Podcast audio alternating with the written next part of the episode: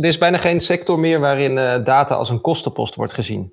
Ja, in zorg is data toch echt nog wel een kostenpost. Hangt nog onder IT. Hè? En een van onze tegeltjes is data is geen IT-ding, maar een ID-ding. Dus het gaat niet om IT-dingen. Het gaat echt om dat je ideeën sneller kunt toetsen, formuleren. En op die manier dus het, het lerend vermogen kunt vergroten en versnellen. En zolang je blijft hangen in IT-framing, ja, dan benut je bij lange na niet het potentieel wat erin zit. Kunnen we een zorginfarct voorkomen? Ik denk van wel.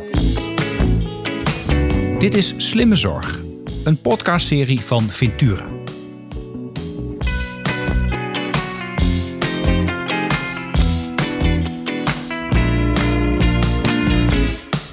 Mijn gasten van vandaag zijn Egge van der Poel en Martijn Buitenhuis. Egge is gepromoveerd in de experimentele deeltjesfysica bij CERN en deed daarnaast een bachelor als filosoof.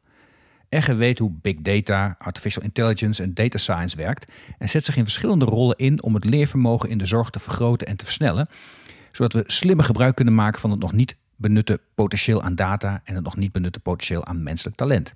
Dat doet hij als zelfstandig data scientist, als academic director bij JADS en als executive professor bij TIAS. Martijn studeerde technische bestuurskunde aan de Technische Universiteit in Delft. En met zijn adviesbureau Buitenhuisadvies richt hij zich op de bedrijfsvoering en ICT in de zorg. Hij begeleidde daarnaast medisch specialisten in de veranderende rol van het ondernemerschap en medisch leiderschap. Martijn startte eveneens met twee partners Outcome Measurement, dat met het product Consult Assistant onder meer door digitale auto-anamnese en kunstmatige intelligentie het gesprek in de spreekkamer verbetert. Heg en Martijn zijn samen met mede-auteur Nart Wielaert schrijvers van het boek Geheelmeesters. Egge en Martijn, wat fantastisch eh, dat jullie eh, wel, uh, mijn gast willen zijn in de, in de Slimme Zorg podcast. Ik heb nou, opnieuw meerdere gasten. Dat is altijd een uitdaging. En voor de luisteraars, we nemen deze podcast op afstand op. Dus digitaal. Past wel heel erg bij jullie. Ik geloof ik erg in digitalisering. voor podcast is dat altijd ook nog wel een uitdaging. Om dat dan net zo mooi en goed te krijgen. Maar ik heb alle vertrouwen dat dit gaat lukken. Ehm, en ik heb er zin in. Um, en Egge, ja, als we er toch zijn, laat ik dan maar beginnen met de eerste vraag. Wat is volgens jou slimme zorg? Ik denk dat uh, uh, slimme zorg zorg is waarbij we alle kennis en ervaring van de vorige patiënten of cliënten gebruiken om beslissingen te ondersteunen voor de volgende patiënt of cliënt. Oké, maar dat impliceert dat we dat nu nog niet zouden doen.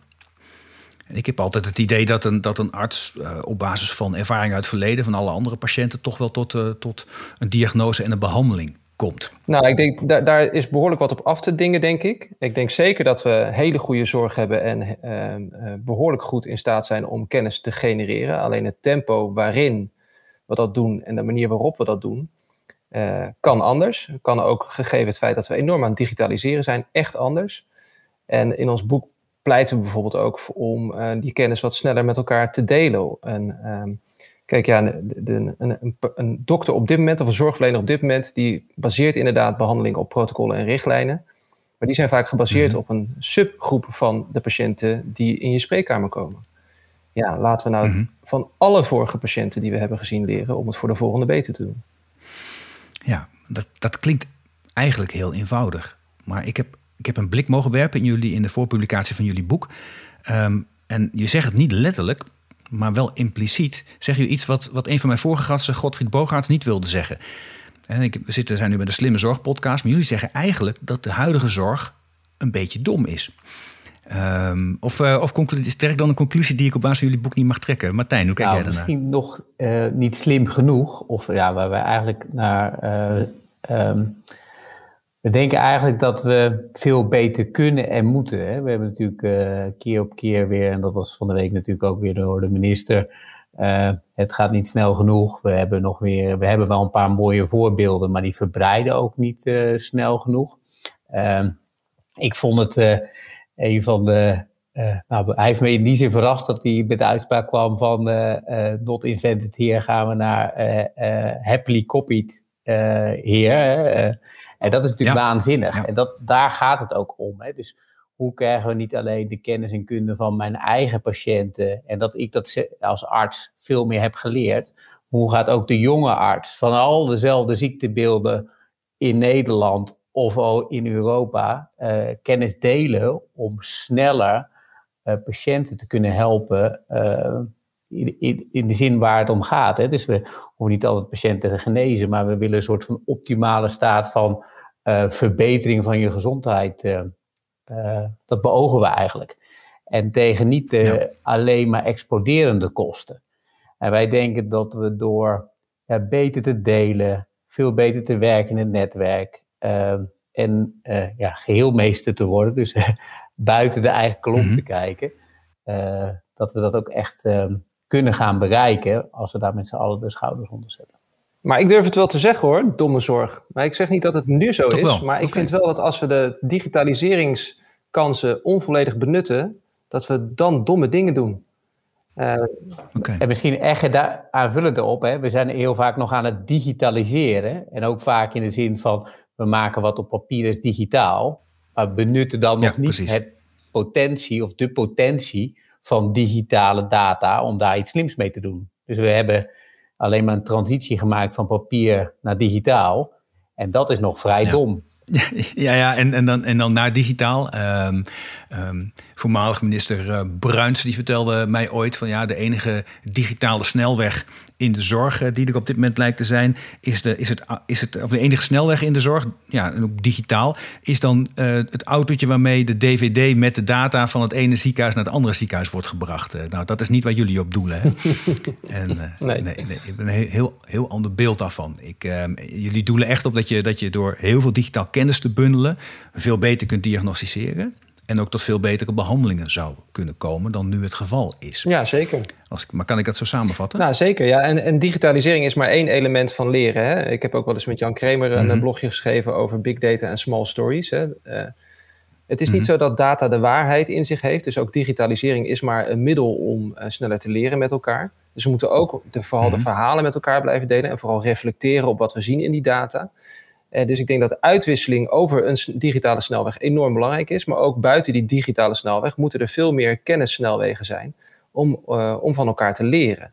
En uh, dus ja, die, die auto's met dvd'tjes, dit, dat is echt een pijnlijk beeld. Al weet ik vanuit mijn ervaring vroeger bij CERN dat vroeger men ook gewoon met dvd'tjes in het vliegtuig stapte om dan in Amsterdam de data te gaan analyseren van de deeltjesbotsingen in Genève. maar die tijd mhm. hebben we daar twintig jaar geleden achter ons gelaten. Ehm, nou, het wordt wel eens tijd dat we het in de zorg uh, ook uh, omarmen. Is al wonderbaarlijk, hè? want de zorg is enerzijds een hele innovatieve sector. Er wordt heel veel onderzoek gedaan bij patiënten die nou ja, iets hebben wat we nu nog niet kunnen genezen. Maar dat is al vaak over een heel smal spoor. Bijvoorbeeld geneesmiddelenonderzoek duurt ook lang willen heel veel bewijskracht dat iets werkt wat we mogen toepassen. Misschien ook wel logisch, want je wilt een, een patiënt geen, geen kwaad doen. Um, en dus dat zijn, dat zijn langdurige trajecten, best innovatief, kan heel erg diep ingaan, ook heel kostbaar. En aan de andere kant, de manier waarop andere sectoren leren door heel veel informatie van buiten te halen, goed te analyseren en op basis daarvan tot nieuwe inzichten te komen, die, die, die zien we nog maar heel weinig in de, in de zorg. Heb je een idee waar, waar, waar dat aan ligt? Waar, waarom dat verschil zo groot is? Ja, ik denk dat er verschillende elementen zijn. We hebben ook in ons boek, hè, we hebben het boek opgedeeld in drie fases van onze dromen, uh, maar ook de, het ontwaken en het ontwerpen. Hè. Um, nou ja, in mhm. het ontwaken komen een aantal elementen tegen die denk ik belemmerend werken. Hè. Dat heeft te maken met uh, nou, die kennisdeling waar we het net over hadden. Hè. Wij noemen dat even in ons boek uh, wat scherper protocolfixatie. We hebben het ook over kwaliteit. Hè. Dat, dat kwaliteit, er zijn heel veel afdelingen en specialisten op, maar ja, wat het nou eigenlijk is en wat, nou, wat het nou betekent voor de zorgverlener, is soms uh, nou, niet echt duidelijk, zullen we maar even zeggen. Uh, maar we hebben het ook over mhm. complexiteit. De zorg is natuurlijk heel innovatief op, op hele mooie gebieden. Uh, en COVID mhm. bewijst dat ook maar weer, hè, dat we hebben ontzettend snel kennis kunnen vergaren met elkaar. En, en dat is ook een heel mooi voorbeeld van hoe je dus wel snel data kunt delen en snel kennis kunt genereren met elkaar. Maar er zit ontzettend veel complexiteit in het ja, verlenen van zorg, het organiseren van zorg. En een deel daarvan is ook wat Martijn net aanhaalde, dat, dat not invented here. Hè? Uh, dat we toch alles maar bij onszelf willen halen en uh, houden. En dat we heel erg aan het micromanagen zijn binnen onze organisaties. En al die ja, eigenlijk uh, moties van wantrouwen, die willen wij juist ombuigen naar moties van vertrouwen. Om op die manier de mensen ja. echt te equiperen om op eigen inschatting, met hun eigen capaciteiten, met hun eigen expertises, uh, te doen wat nodig is om te leren van iedere vorige patiënt hoe het voor de volgende beter kan. Zijn er al voorbeelden te vinden waar dat, waar dat, waar dat goed gebeurt? Wees op de, de COVID-crisis waarin dat gebeurde. Wat was toen dan fundamenteel anders dan buiten die COVID-crisis? Ja, nou ja, in een crisisorganisatie, uh, kijk, onze zorg is echt heel erg goed. Hè? En wanneer we zien dat we excelleren, dat is tijdens een crisis. Als je het al hebt, uh, niet eens over data, maar hoe een ziekenhuis als het Erasmus in staat is om even tientallen IC-bedden bij te bouwen in, in twee, drie dagen tijd. Dat is natuurlijk geweldig om te zien. Mhm. Je bundelt dan, zeg maar, uh, de kennis en kunde van mensen. Je geeft ze vertrouwen en uh, je komt tot een resultaat. En, en wat, mm -hmm. wat is er dan? Uh, een voorbeeld daaruit op het gebied van data is dat de IC-data is gedeeld. met name na, na een bepaalde periode. Dat we achter elkaar moeten veel meer analyseren. Wat gebeurt hier nou? Wat gebeurt in type behandeling, et cetera. En dan komen we tot inzicht, we moeten meer delen. En uh, daar wordt dan ook wel weer vervolg aangegeven. Maar het grootste probleem is natuurlijk dat we weer stranden. Hè? Dus dan stranden we in schoonheid. Dan komen onze normale procedures aan de orde. Ja, wie gaat er met de data aan het haal? Kan ik wel zelf de publicatie doen? Of gaat, loopt er nu iemand anders mee weg? En, dus het, ja. Um, zeg maar de, de artsen in, uh, die zijn natuurlijk niet primair opgeleid om met datadeling zoveel mogelijk te maken. Hè? Dus dat je, uh, wat we natuurlijk in andere sectoren al lang zien, uh, ik zit zelf in de advisering en voordat ik mijn eigen adviesbureau had opgericht in het begin van deze eeuw, was een adviesbureau iets met een eigen bibliotheek, met mensen die heel veel kennis hadden van bepaalde onderdelen uh, die wisten alles van de energie, die wisten alles van fiscaliteit, of die wisten alles van uh, fusies. Nou, je, je, je, hoeft nu, gaat het erom, uh, in deze tijd, ook in de advisering, om zo snel mogelijk de kennis van gisteren of morgen te implementeren. En dat is ook wel echt mm -hmm. aan refereert. Hoe krijgen we het ziekenhuis ook in die snelheid? Hè? Dus de kennis van vandaag, morgen weer vernieuwen. En het ziekenhuis heeft nog steeds heel erg die bibliotheken van kennis en kunde binnen vakgebieden, maar ook in, in, in toeleverende uh, onderdelen. En we zijn dus niet geaccepteerd om een, een data scientist het ziekenhuis in te laten vliegen, want dat zien we dan als een eilandje die even binnenkomt, maar niet als een integraal mhm. onderdeel van, van je primaire proces, zou je bijna zo kunnen zeggen. Hè? Dus vooral om die, om die mhm. zorg, of je businessmodel, bedrijfsmodel, hoe je het ook maar noemt, uh, morgen te verbeteren. En, en die, mm die, die learning loop zou je kunnen zeggen. Ja, wij doen echt mhm. een oproep om, om, om dat met z'n allen voor elkaar te krijgen. En dan moeten we nog wel wat heilige huisjes, zeg maar, omverwerpen. Kijk, er is, er is bijna geen sector meer waarin uh, data als een kostenpost wordt gezien. Maar um, in alle andere sectoren wordt eigenlijk data als een asset gezien. Als iets waar, waar je echt gewoon je onderscheidend vermogen uh, op baseert ja, in zorg is data toch echt nog wel een kostenpost. Hangt nog onder IT. Hè? En een van onze tegeltjes is data is geen IT-ding, maar een ID-ding. Dus het gaat niet hmm. om IT-dingen. Het gaat echt om dat je ideeën sneller kunt toetsen, formuleren. En dus op die manier dus het, het lerend vermogen kunt vergroten en versnellen. En zolang je blijft hangen in IT-framing, ja, dan benut je mm bij lange na niet het potentieel wat erin zit. Nee, en misschien is dat wat altijd wel uh, dat is helemaal juist, hè? Wat je ziet, als je te veel een IT-ding is, dan blijf je ook veel te veel hangen in alle regeltjes en procedures waar je doorheen moet. Hè? Elke keer door het privacy-riedeltje, elke keer door het security-riedeltje.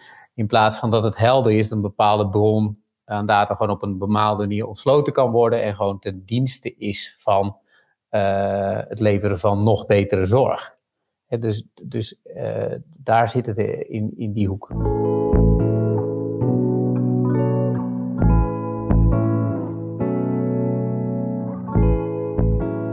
Daar, komen we zo nog wel op, hè, op al die IT-belemmeringen, privacy-belemmeringen. Ik ben zelf als Kamerlid daar ook heel vaak tegen aangelopen als je over dit soort thema's uh, praat. En daar zit een grote angst. Ik denk dat we daar zo apart nog over moeten hebben.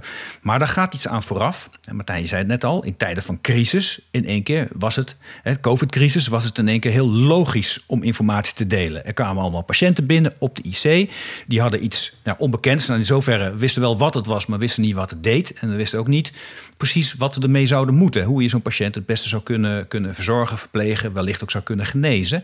En dus kan er een enorme drive onder uh, uh, IC-artsen en, en ook anderen om, die, om kennis te delen, zo goed mogelijk te delen, om die, om die behandeling te verbeteren.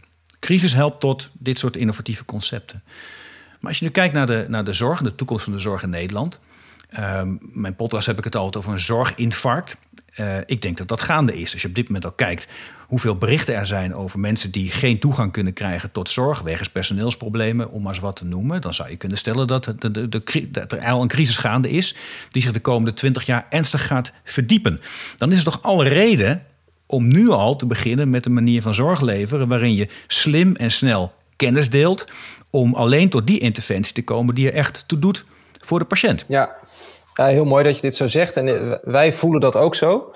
En in ons boek uh, maken we de vergelijking tussen de, de Black Swans, die iedereen wel kent, dat verhaal uh, van uh, Nassim Taleb, en de Grey Rhinos. Hè? Grey Rhinos. Nou, leg nog eens uit. Het kan, is, niet, kan zijn dat er een luisteraar is die dat niet kent. Dus de Black Swan is zeg maar iets wat je niet had kunnen voorzien en wat dan opeens gebeurt. Zo'n disruptieve verandering. Uh, nou, COVID wordt vaak dat mhm. genoemd. Nassim Taleb, de auteur die de, de term heeft bedacht, zegt zelf dat COVID geen Black Swan is. Want we wisten al lang dat er een pandemie zou komen. Maar goed, plotselinge disruptie van onze manier van doen en leven. Dat idee, daar gaat mhm. het om. Ja, een andere is dat je het gewoon al lang ziet aankomen. En dat noemen we het, uh, in ons boek hebben we voorbeelden van uh, president Xi van China, die in zijn toespraken de Grey Rhino aanhaalt ja, iets wat je gewoon al lang ziet aankomen. Een ontwikkeling die al lang gaande is en waar je gewoon toe moet verhouden en op moet, op moet richten. Ja, en we weten natuurlijk dat Chinezen als geen ander in staat zijn om uh, langer dan één regeerperiode vooruit te kijken. Um, ja. Uh, ja, dus die zijn niet bang om zich daar naartoe te richten. Die zijn niet bang om die echte lange termijn te, te doorleven alvast nu, om dan in de toekomst beter geëquipeerd te zijn. En het lijkt in de zorg inderdaad wel alsof nog onvoldoende mensen echt doorleven wat het betekent dat we nu in zo'n zorginfarct zitten. Dat, we, dat het alleen maar erger gaat worden. Eigenlijk iedereen die zich met dit thema bezighoudt, ja, die weet al lang dat dit een keer zou gaan gebeuren. COVID versnelt het, maar niemand is verrast. Maar het gekke is dat heel veel mensen dus toch nog wel verrast lijken. En hoe krijgen we die mensen nou, nou nu oh, zeg maar on par met waar we nu zijn, vandaag de dag. Maar vooral nog belangrijker, dat ze meegaan in de transformatie die nodig is om het niet nog verder uit de klauwen te laten lopen? Nou, dat is een goede vraag. Maar heb je ook ideeën waar dat aan ligt en wat je zou kunnen doen om, om die beweging op gang te krijgen? Om de openheid in de zorg te creëren, om, om inderdaad veel meer data te gaan delen op basis van data, sneller tot het juiste inzicht en ook nieuwe inzichten te komen?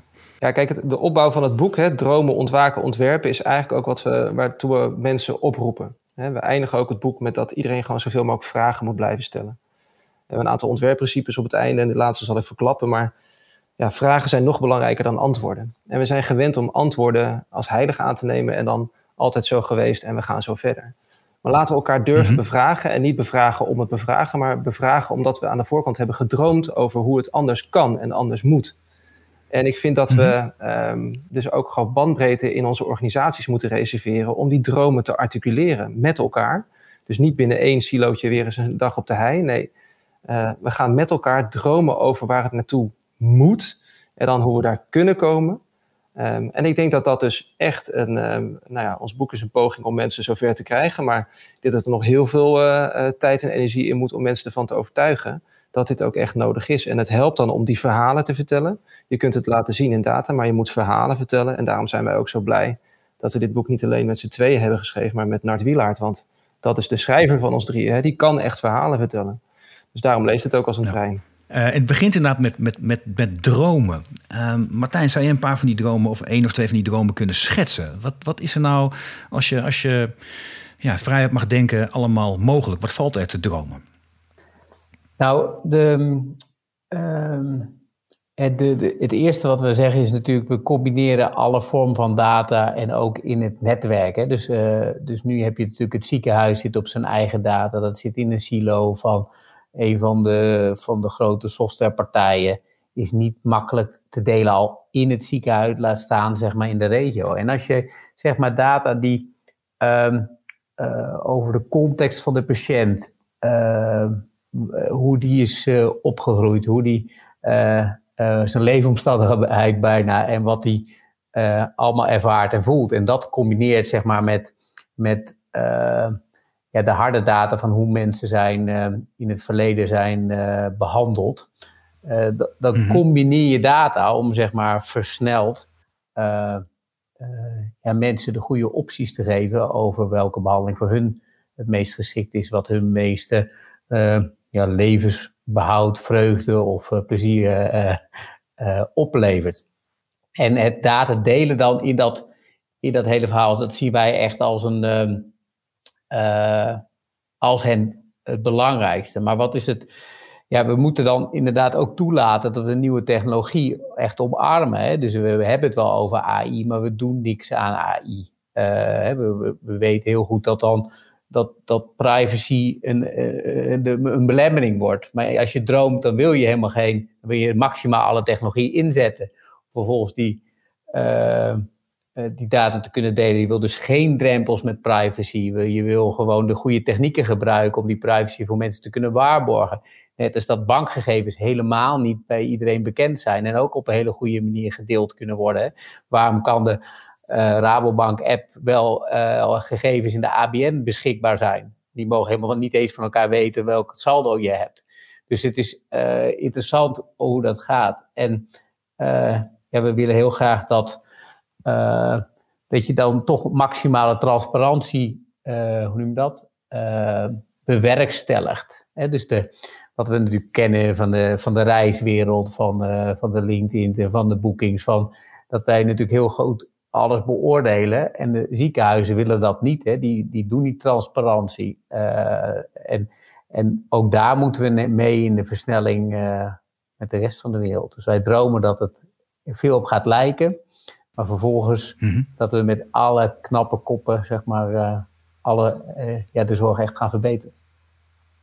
Ja, ik vond een mooi, mooi voorbeeld dat jullie schetsten van, stel je komt als, als, als je, bent, je bent, bent, bent een vrouw en je hebt last van haaruitval en ernstige vermoeidheid en je komt in een ziekenhuis in, uh, in Friesland.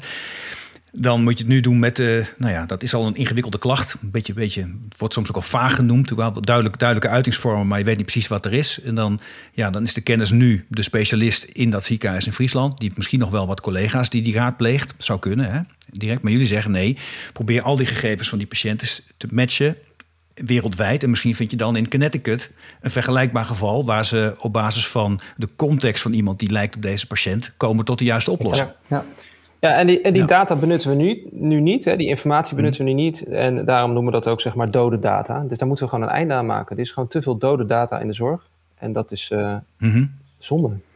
Maar goed, dan zeggen artsen van ja, ja, allemaal leuk met al die data. Weet je wel wat ik nu allemaal al niet moet administreren in de praktijk? En dan moet ik nog meer gegevens vastleggen en dat is lastig.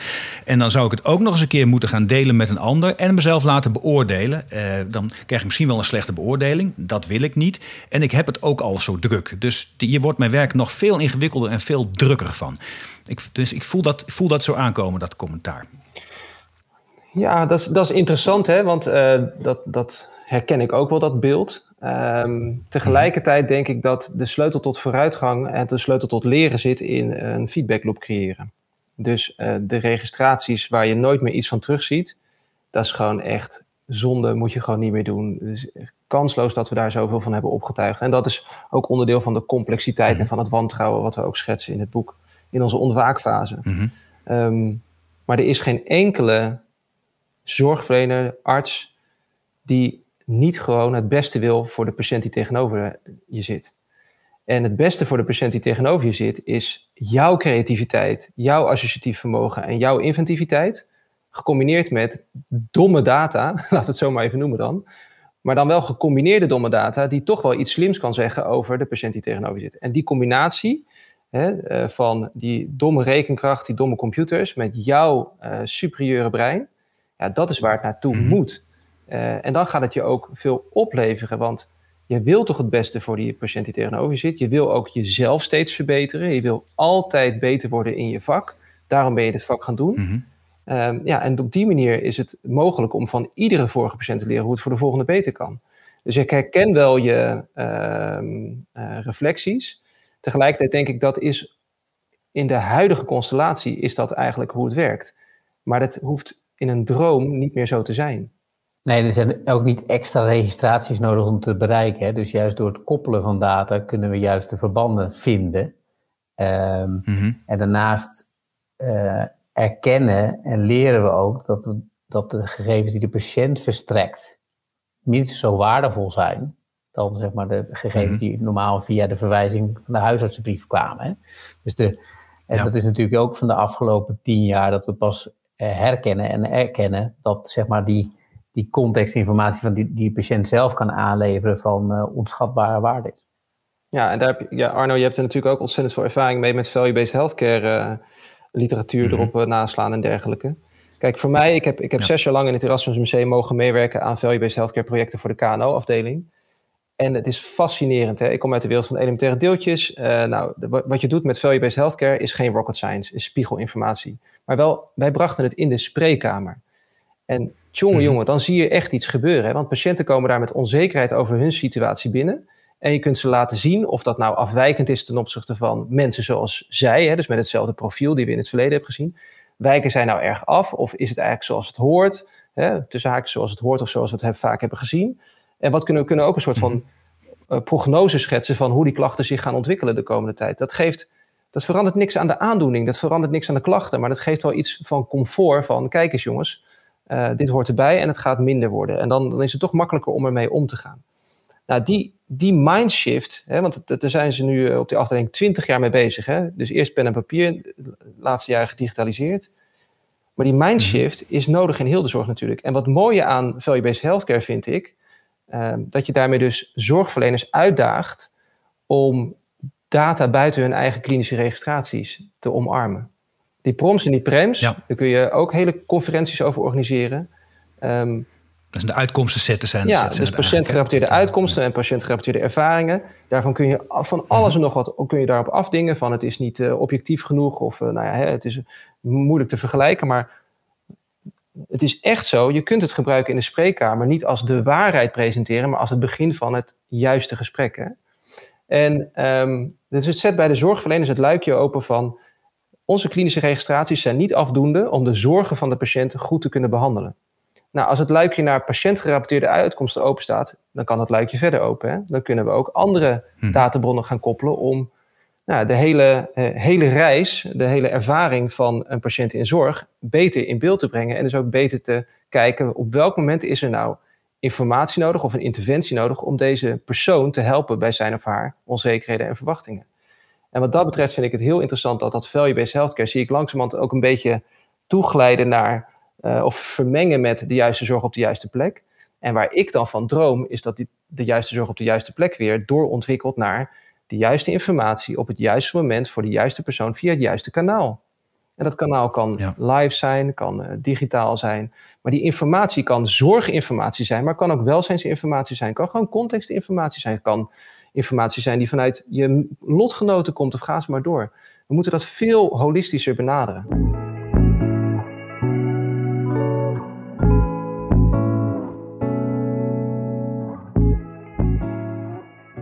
Nou, ik vond zelf heel inspirerend een gesprek wat ik deze podcast had met Arie Franks.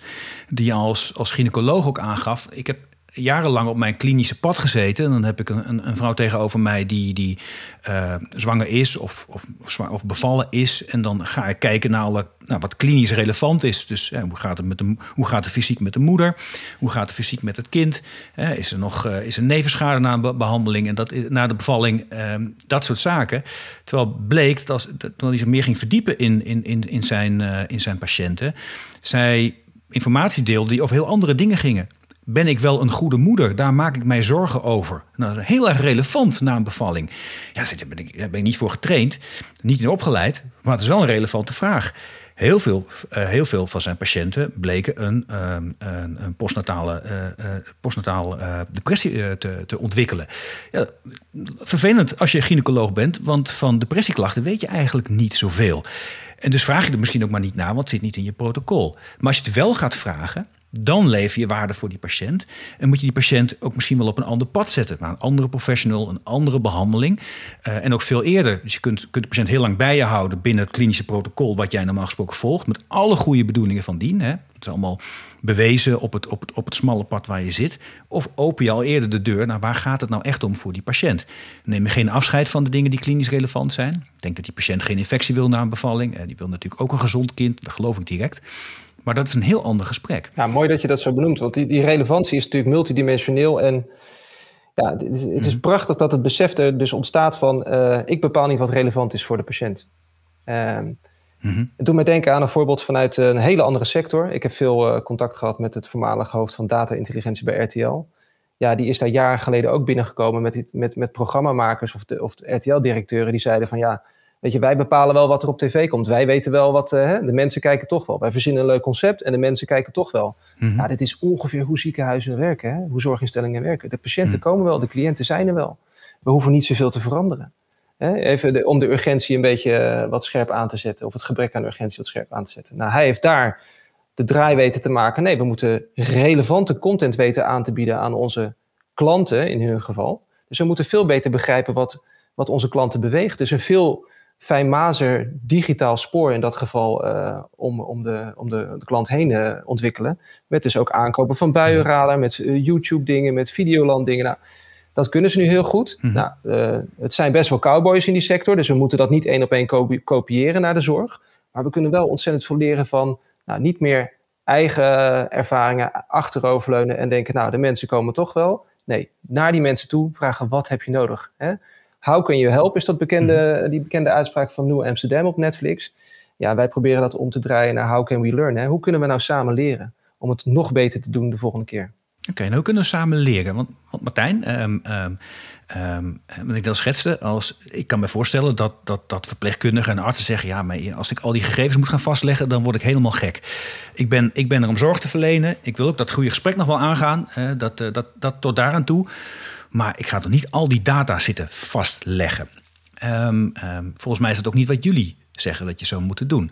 Maar kun je dan ja, misschien die data ergens anders vandaan halen? Wat, wat, wat voor stappen zouden kunnen zetten om, om, om, om dat ecosysteem rondom die patiënt en die informatie daarvan veel beter um, uh, rondom die behandeling georganiseerd te krijgen? Nou goed, uiteindelijk gaat het natuurlijk ook even los van uh, de, de, de, technische mogelijkheden of stappen die je moet zetten. We zijn natuurlijk, uh, hebben het jaar over, gebruik het juiste standaarden om informatie uit te wisselen, et cetera, die zijn in principe wel voorhanden. Hè? Dus daar kunnen we natuurlijk eindeloos over door ouwehoeren. Waar het uiteindelijk om gaat, is natuurlijk dat um, eerst gaat het zorg niet alleen om het ziekenhuis hè, of om, om, om die curatieve instelling. Het gaat om zorg in de regio. En dat is natuurlijk een van die mooie voorbeelden is natuurlijk hoe te gooi, wat ook trouwens door de minister nog even werd genoemd deze week, is dat, uh, dat noemen ze zorg dichterbij.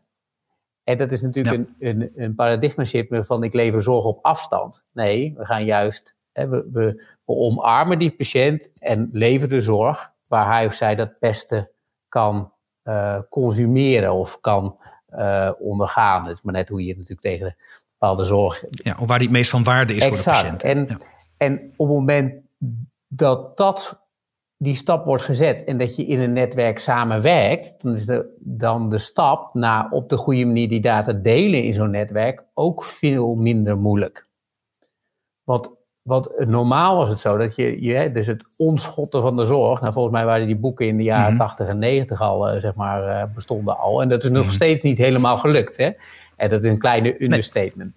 Nee. En um, de, um, uh, dus als je wel samenwerkt, dan is het ook makkelijker om data te delen en ook op de juiste manier dat te vinden. En de technieken zijn gewoon voorhanden. En we moeten uh, daarmee ook kijken naar hè, wat is de kern van wat je doet als ziekenhuis. Hè? Dus de kern zou moeten zijn dat we, die, dat we dus focussen op die datadeling en op dat, dat we alle informatie hebben om die patiënt maximaal te kunnen uh, behandelen of ondersteunen, et cetera. En die op de juiste plek te zetten.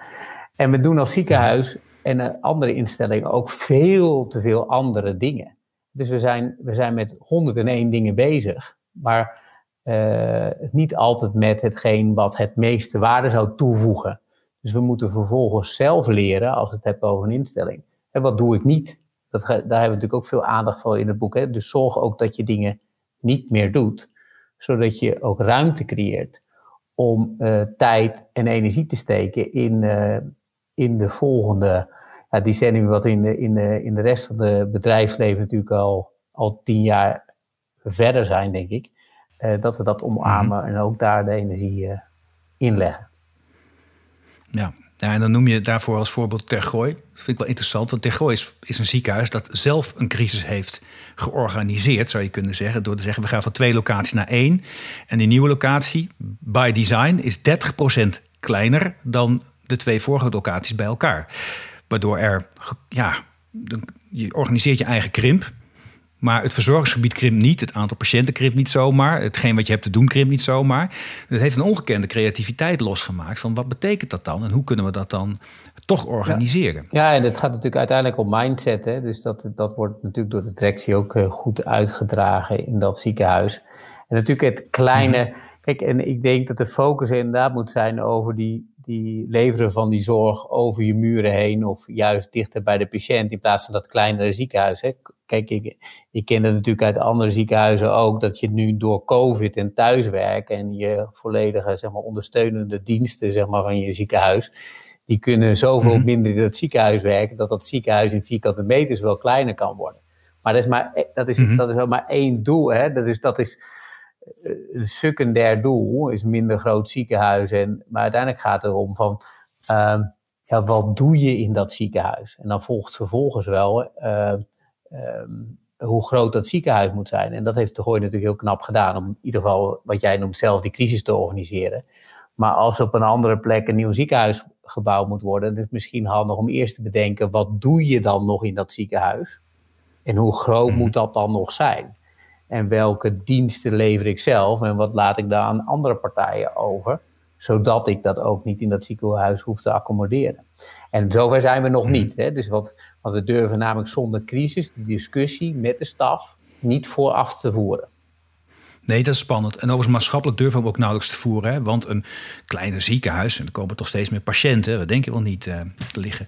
Nederland regelt nog steeds nieuwbouwplannen en investeringsplannen voor, voor ziekenhuizen. Moet voor een deel ook, want om, om te veranderen en te verbeteren moet je ook investeren. Maar er gaat nog heel veel in stenen zitten en een grotere footprint en meer van dat al. Ja, is dat altijd verstandig? Misschien soms wel, hè? Ik bedoel, absoluut. Hè? De, de zorgbehoefte neemt absoluut toe. Maar jij zegt, nou, maar beslis wel van tevoren wat je echt je ja, hoe heet het? bedrijfsleven noemt dat kerntakendiscussie. Hè? Wat zijn dan echt je kerntaken als, als zorgverlener? Wat doe ik wel, wat doe ik niet? En wat moet vooral een ander gaan doen? En misschien hebben we voor de volgende in netwerk organiseren. ook weer bedden nodig en voldoende IC-capaciteit. We kunnen ook niet zomaar afschalen, hebben we nu ook geleerd. Hè? Dus we kunnen ook niet uh, op een soort van bare minimum gaan zitten. Dan hadden de Duitsers toch net iets beter voor elkaar, zeg maar. Ja, dat is een keuze. Dat is een, dat is een Nederlandse efficiency-keus geweest. Waar ook wat voor viel te zeggen natuurlijk. Hè? Want op zich in Nederland wordt voor gekozen om mensen zo min mogelijk op een IC-bed te krijgen. En zo snel mogelijk weer naar huis. Daar valt veel voor te zeggen. Dat is denk ik in bijna ieder moment een goede keuze. Maar niet op het moment dat er een pandemie is. Dus, ja, dus ideeën over een, een, een flexibele schil waardoor je sneller kunt opschalen. Dat is een goed inzicht geweest uit de COVID-pandemie. Dat is, dat, is zeker, dat is zeker waar.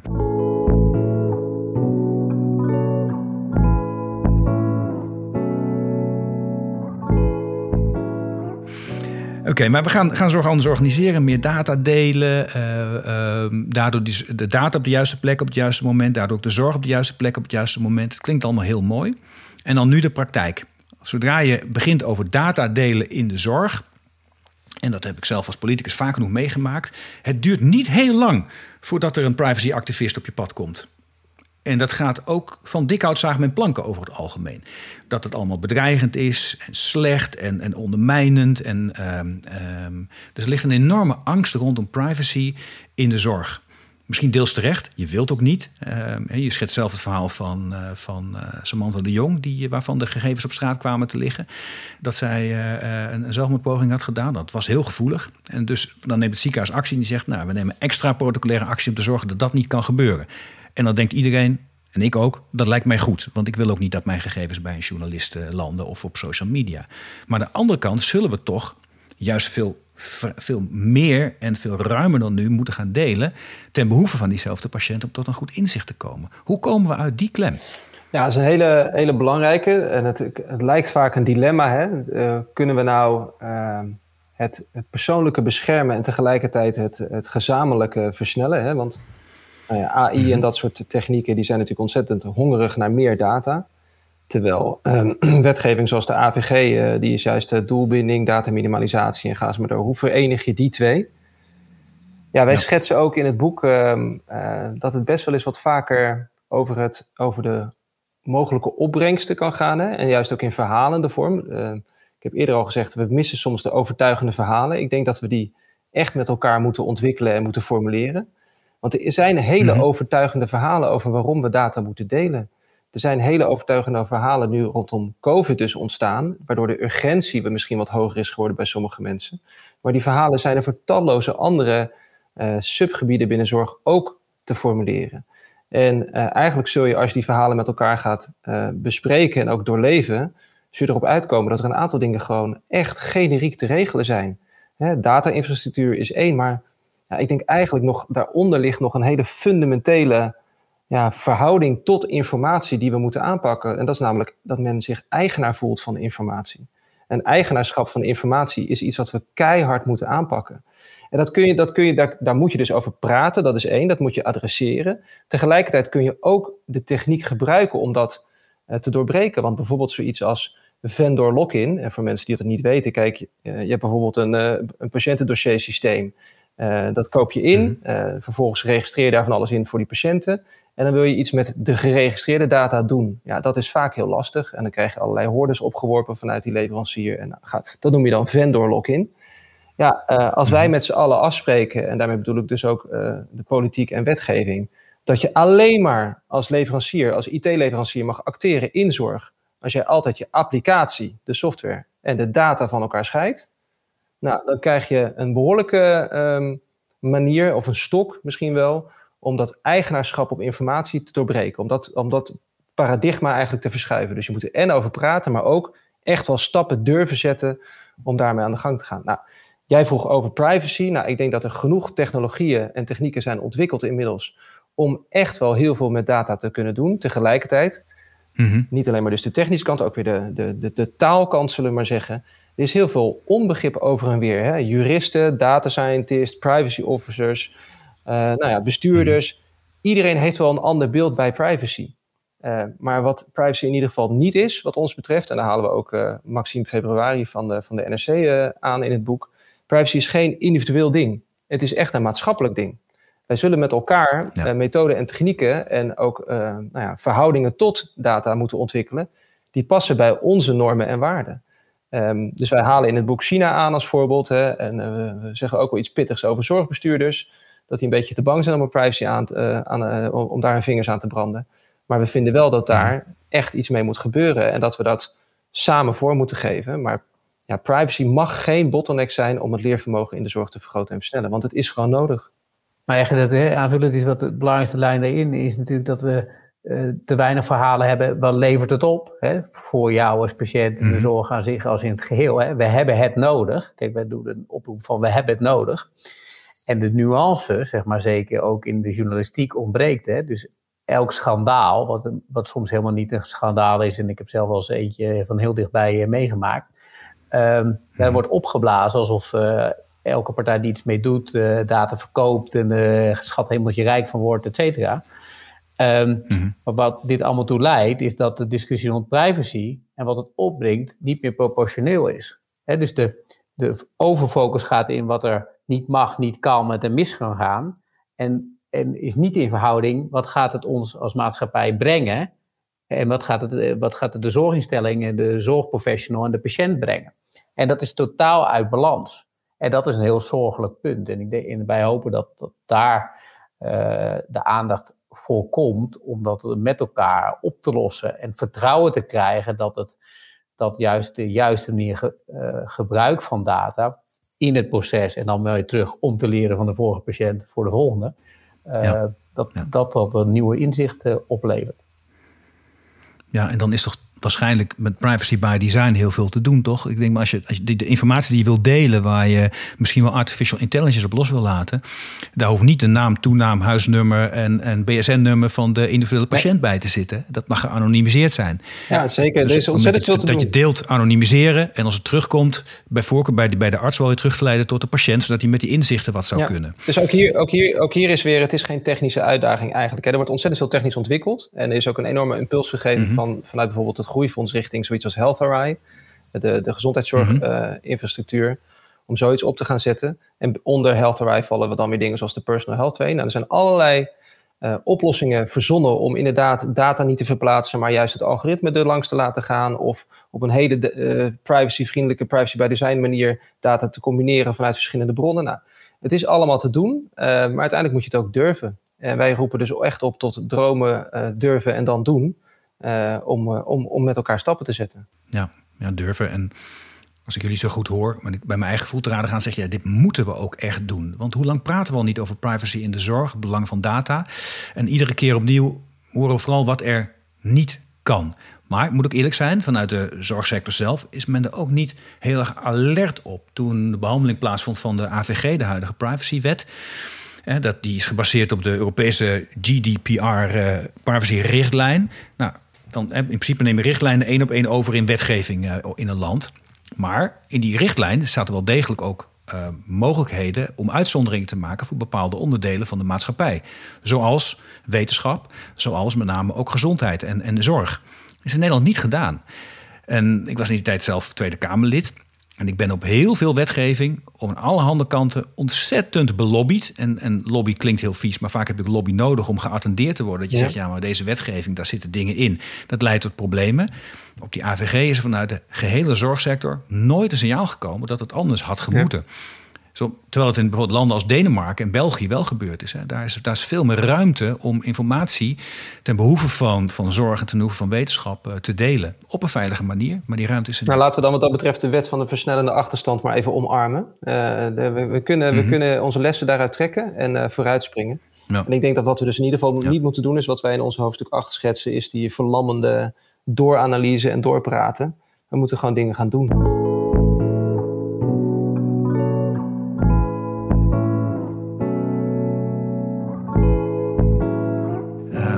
Een, een pijnlijk voorbeeld uit een van de allereerste podcasts die ik had met, uh, met, uh, met, uh, met dokter Marcus Oei. Ah, ja. Die, ik geloof al elf jaar geleden, nee, nog wel langer geleden, in het ziekenhuis waar hij toen werkte, hadden ze geregeld dat ze, dat ze een, een, een online portal hadden waar patiënten hun afspraken konden gaan plannen. En in plaats van dat, dus dat, dat, dat de patiënt gewoon een verwijsbrief meekreeg van dan en dan wordt hij verwacht.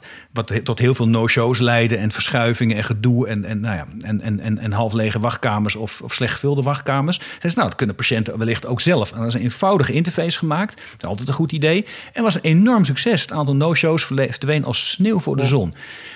Totdat er een privacy-waakhond uh, bovenop dook en er, een, uh, en er een enorme rel werd gecreëerd en gezegd: dit mag zo niet langer. Nou, toen is daar een, een DigiD-laag tussen gebouwd. Daar was het, toen was, daarmee was het dan kennelijk veel veiliger geworden. Met als effect dat vervolgens patiënten niet meer zelf een afspraak gingen plannen, want dat was te complex geworden.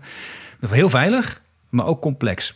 En dat, ja, nou dat, daar hebben we nog wel wat te doen met elkaar. We laten echt veel. Ja, zeker, zeker. En dit is maar dit gaat over de afspraak bij de, bij, de, bij de arts. Maar goed, zelfs dat is belangrijk, want die, die, die capaciteit is schaars. Daar hebben we nog niet eens over wat te laten liggen op gebied van behandelmogelijkheden als we dit uh, zouden verbeteren. Nee. Nee, ik moest ook wel uh, met een pijnlijke glimlach kijken naar een cartoon die ik in jullie boek zag van uh, bij een begrafenis waar iemand zei gelukkig uh, was de privacy van papa tot op het allerlaatste moment gewaarborgd. Ja. Misschien is dat wel heel wrang, maar daar laten dat proberen daarvan af te komen. Ja, zeker. Ja, en die cartoons, je noemt ze eventjes, maar daar zijn we ontzettend blij. We hebben Peter de Wit gevraagd, hè, de cartoonist van Sigmund, om zijn mm-hmm. reflecties te geven op de tekst die wij hebben geproduceerd. Ja, en uh, wij zijn ontzettend blij dat er per hoofdstuk dus nu een cartoon is waar uh, ja, de kern wordt samengevat. Dus uh, al koop je het alleen maar voor de cartoons, ja. het is zeer de moeite waard. Oké, okay. en een ander voorbeeld. We hebben het heel veel datadelen gehad en het belang daarvan. En dat daar heel veel winst valt te halen. En dat we daarmee de zorg enorm zouden kunnen verbeteren. Um, um, in jullie boek lees ik ook over. We kunnen ook enorm veel verbeteren door um, um, ja, weet je, de, de, de, de eenvoud van technologie te gaan omarmen in de zorg. De zorg is, vaak bovenmatig complex. Uh, het kan ook eenvoudig. En um, stond een, vond ik een heel integrerend voorbeeld in van een Amsterdamse huisarts die eigenlijk al zijn consulten digitaal doet. Als ik daarover met zorgverleners praat, zeggen ze ja, ja, dat digitale dat kan wel, maar dat is bewerkelijk en dat is lastig. En heel veel patiënten die kunnen dat ook niet. En dan lees ik over een Amsterdamse huisarts die dat gewoon doet, die niet eens meer een doktersassistent heeft. Ja, het leuke is, zeg maar, als je kijkt nu hoe dat navolging krijgt, dat ik had een collega van mij die, uh, die is in Rotterdam gaan wonen, die zegt ik ben bij een mhm. nieuwe huisarts en dan heb ik gewoon altijd de mogelijkheid, digitaal of fysiek. Dus het is gewoon, eh, en dan zie je dat we, we gaan een inhaalslag maken en eh, wat Echo ook zegt, de versnelling moet aan, achterstand die moeten we inhalen. En dat kan ook. Dat is op uh, optimistische oproep, denk ik, die we doen. Zeg maar, dat je op alle fronten gewoon moet zeggen, het kan en we gaan het ook doen. Dus, uh. ja, maar het is interessant, hè? want eigenlijk wat jij schetst, Martijn, is die hybride zorg. Hè? Daar wordt ook over gesproken, of moet dat in de wet verankerd worden? Ja, lekker belangrijk. De patiënt mhm. vraagt er gewoon om. Dus, dus we gaan het gewoon doen. ja. Ja, maar dat blijkt dan in de zorg dan wel eens lastig. Soms moet je dat ook wel degelijk wettelijk vastleggen om te zorgen dat het gaat gebeuren. Nee, dit, dit, dit, maar wij houden ons vast aan de lichtpuntjes om, om, inderdaad op die manier de versnelling te realiseren. Maar je hebt helemaal gelijk, Arno. We moeten ook de stok af en toe gebruiken. Maar een huisarts die helemaal digitaal werkt, nou, die zal ongetwijfeld wel in zijn patiënt moeten zien. Er zijn dingen die je niet digitaal kunt. Hè. Je moet wel eens iemand aanraken, voelen, een waarde bepalen, wat iemand niet helemaal zelf kan. Maar in de basis op die manier werkt. Um, hoe kan het nou dat het in Amsterdam wel lukt en dat het, dat het toch nog maar echt, zo, dat het echt toch een soort, soort witte raaf is in de zorg? Nou, ik denk dat uh, dat één eh, element van het antwoord is, hè, want het is een hele goede vraag met heel veel mogelijke perspectieven. Maar één element is dat de zorg natuurlijk niet bestaat. Dus ook in Amsterdam bestaat de zorg niet. Uh, deze huisarts heeft misschien een bepaalde populatie aangesproken. Hè. Ik weet ook niet precies wat of die verdeling representatief mhm. is voor zijn omgeving daar in de wijk. Maar het laat wel zien dat er een, een, een, behoefte is bij een deel van de mensen in de maatschappij om dit op deze manier gewoon, uh, om deze zorgverlening op deze manier tot zich te nemen. Om daar, daar een relatie mee te hebben op deze digitale manier. Uh, dus wij pleiten mhm. er ook voor dat we niet uh, zeg maar alles over één kam scheren. want de zorg bestaat niet. Dus we zullen echt maatwerk moeten leveren. En dat, dat maatwerk bestaat er dus uit dat je in iedere context de afweging maakt van wat kunnen we nou aan digitale tools inzetten. Uh, en wat voegt dat dan aan waarde toe? Uh, nou, en voor deze dokter heeft dat ontzettend goed gewerkt. Um, en ik denk dat, er op, dat het op veel meer andere plekken ook kan werken. Uh, dat corona dat heeft mhm. bewezen. Maar we hebben nog wel wat werk te doen. Ja. Maar dat, en dan terug te komen, zeg maar, happily copied here of proud to be copied somewhere. Dus de, um, mm -hmm we zijn niet in staat om zeg maar, die witte raaf goed te kopiëren. Hè. We, we, en, en misschien dan nog even een keer een voorbeeldje op hetzelfde vlak. Jij kent natuurlijk ook SOS, het, uh, Arno. Dus tien jaar geleden is dat ook een keer geprobeerd. En het waren niet zozeer de belangenorganisaties die hebben geholpen om dat tot een succes te maken. En wat we zien is natuurlijk dat er. Je zegt het heel vriendelijk. Ja, exact. En, die, en dat is natuurlijk wel een deel van het probleem. We zijn zo overgeorganiseerd. En dat is misschien dan naar eh, een van de belangrijke punten die we in het boek zeggen. Hè? Het compromisloos betere zorg ontwerpen. Dat betekent niet dat we elk belang meer kunnen dienen. En op het moment dat een, mhm. patiënt dit soort zorg wil, hè, met de huisarts digitaal werken. En dat blokkeren we omdat sommige belangen dat in de weg staan. Ja, dat moeten we echt doorbreken. Mhm. En dat bedoelen wij met compromisloos. Wat, hè, met, de oorlogsverklaring aan het compromis vonden we heel moeilijk om, om op te schrijven. Maar wij denken dat het echt mhm. nodig is, omdat we anders denken dat het, we niet snel genoeg die verandering kunnen bewerkstelligen. Nee. En als je nou kijkt naar de, naar de, naar de, naar de rol van de patiënt in die, in die verandering in die, in die digitale revolutie. Dan wordt ook vaak gezegd, ja, die patiënt die, die vindt dat lastig en die kan dat allemaal niet. Dan sprak ik uh, onlangs uh, met, uh, met ook voor deze podcast met Godfried Bogaerts. En die zei, ja, maar dat is, dat is een, dat is een kul argument. Dat heeft ook vaak te maken ten eerste met het feit dat dan, als er wordt gepraat over digitalisering in de zorg, dat dan iets, meteen iets heel complex wordt vastgepakt. Dat dan meteen voor alles en heel groots. En um, bijvoorbeeld de patiëntenportals vanuit, vanuit ziekenhuizen, dat zijn echt hele complexe dingen. En zei, het is alsof, alsof je als, als ING was begonnen met je meest incomplexe um, hypotheekproduct, om dat dan digitaal aan te bieden.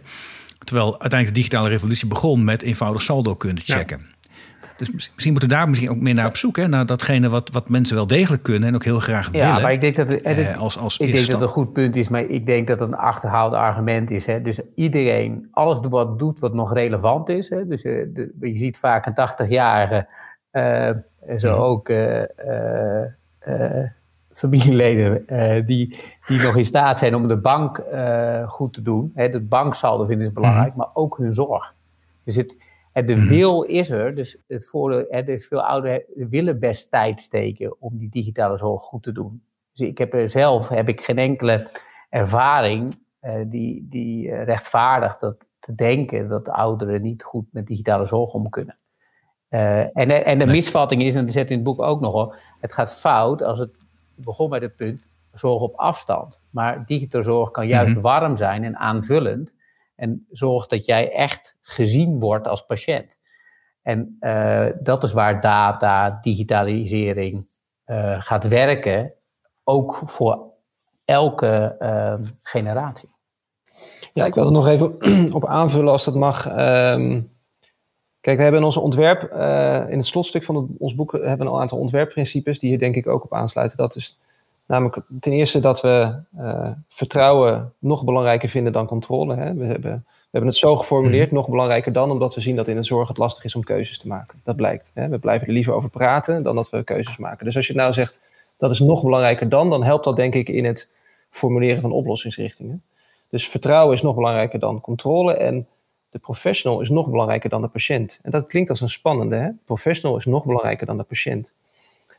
En waarom we dat zo formuleren is dat we zeggen als we de professional volledig equiperen met allerlei tools en kennis tot informatie om de relevante informatie tot zijn of haar beschikking te nemen op het moment dat de patiënt daarom vraagt, hè, dat daar een zorgvraag is. Dan pas stel je de patiënt mhm. centraal. Op die manier stel je de patiënt echt mhm. centraal. Um, dus mhm.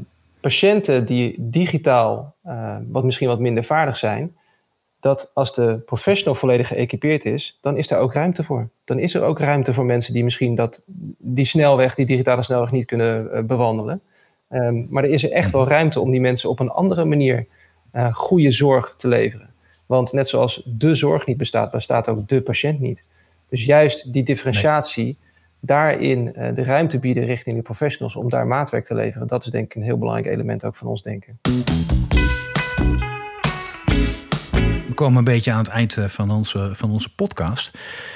Um, en ja, we nemen deze podcast op op het moment dat er uh, ergens op de Hilversumse uh, hei uh, mensen proberen een nieuw kabinet in elkaar te sleutelen. En zo'n formatie dat leidt dan ook weer tot, tot nieuwe inzichten. misschien ook wel een nieuwe minister van Volksgezondheid. Martijn, oogst op jou gevallen voor deze podcast om die mooie rol in te gaan vullen. maar als jij, stel jij zou dat moeten gaan doen, of jij zou als belangrijke adviseur voor de nieuwe minister mogen optreden. Maar wat zou volgens jou het eerste moeten zijn, of het belangrijkste moeten zijn wat een nieuw kabinet moet oppakken? Naar ja, en dan ga ik iets heel flauw zeggen. Want we moeten in de aderen van iedereen die in de zorg moet komen, wat gaan we niet meer doen? Hè? We gaan misschien niet bepaalde subsidies verstrekken, omdat dat niet leidt tot zeg maar uh, ruimte voor vernieuwing. En uh, dus, dus ik zou opdragen dat iedereen die op het ministerie werkt, gaat bedenken wat doe ik niet meer, welke regel hoeft niet meer, welke dingen hoeft niet meer. Dan ontstaat er ruimte. Mhm. En dan moeten ze eerst ja. het boek lezen. Maar daarna zou iets wat helpen, echt in hele politieke zin.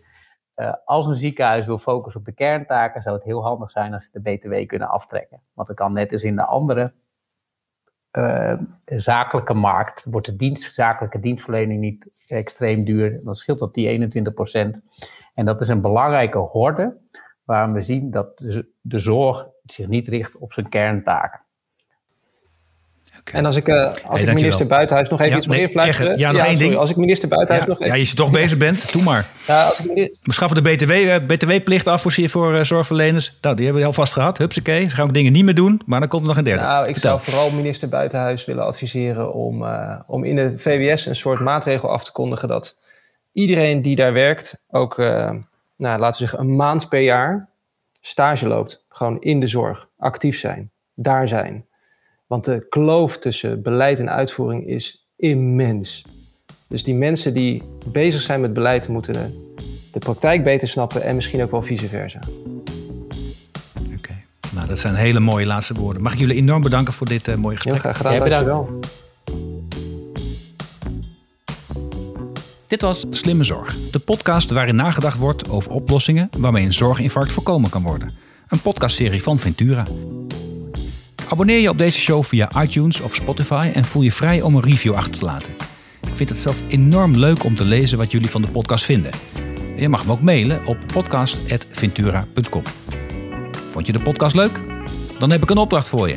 Vertel over de podcast aan een van je vrienden of collega's. Mijn naam is Arno Rutte. Dit was Slimme Zorg. Je hoort mij over twee weken weer in een nieuwe aflevering.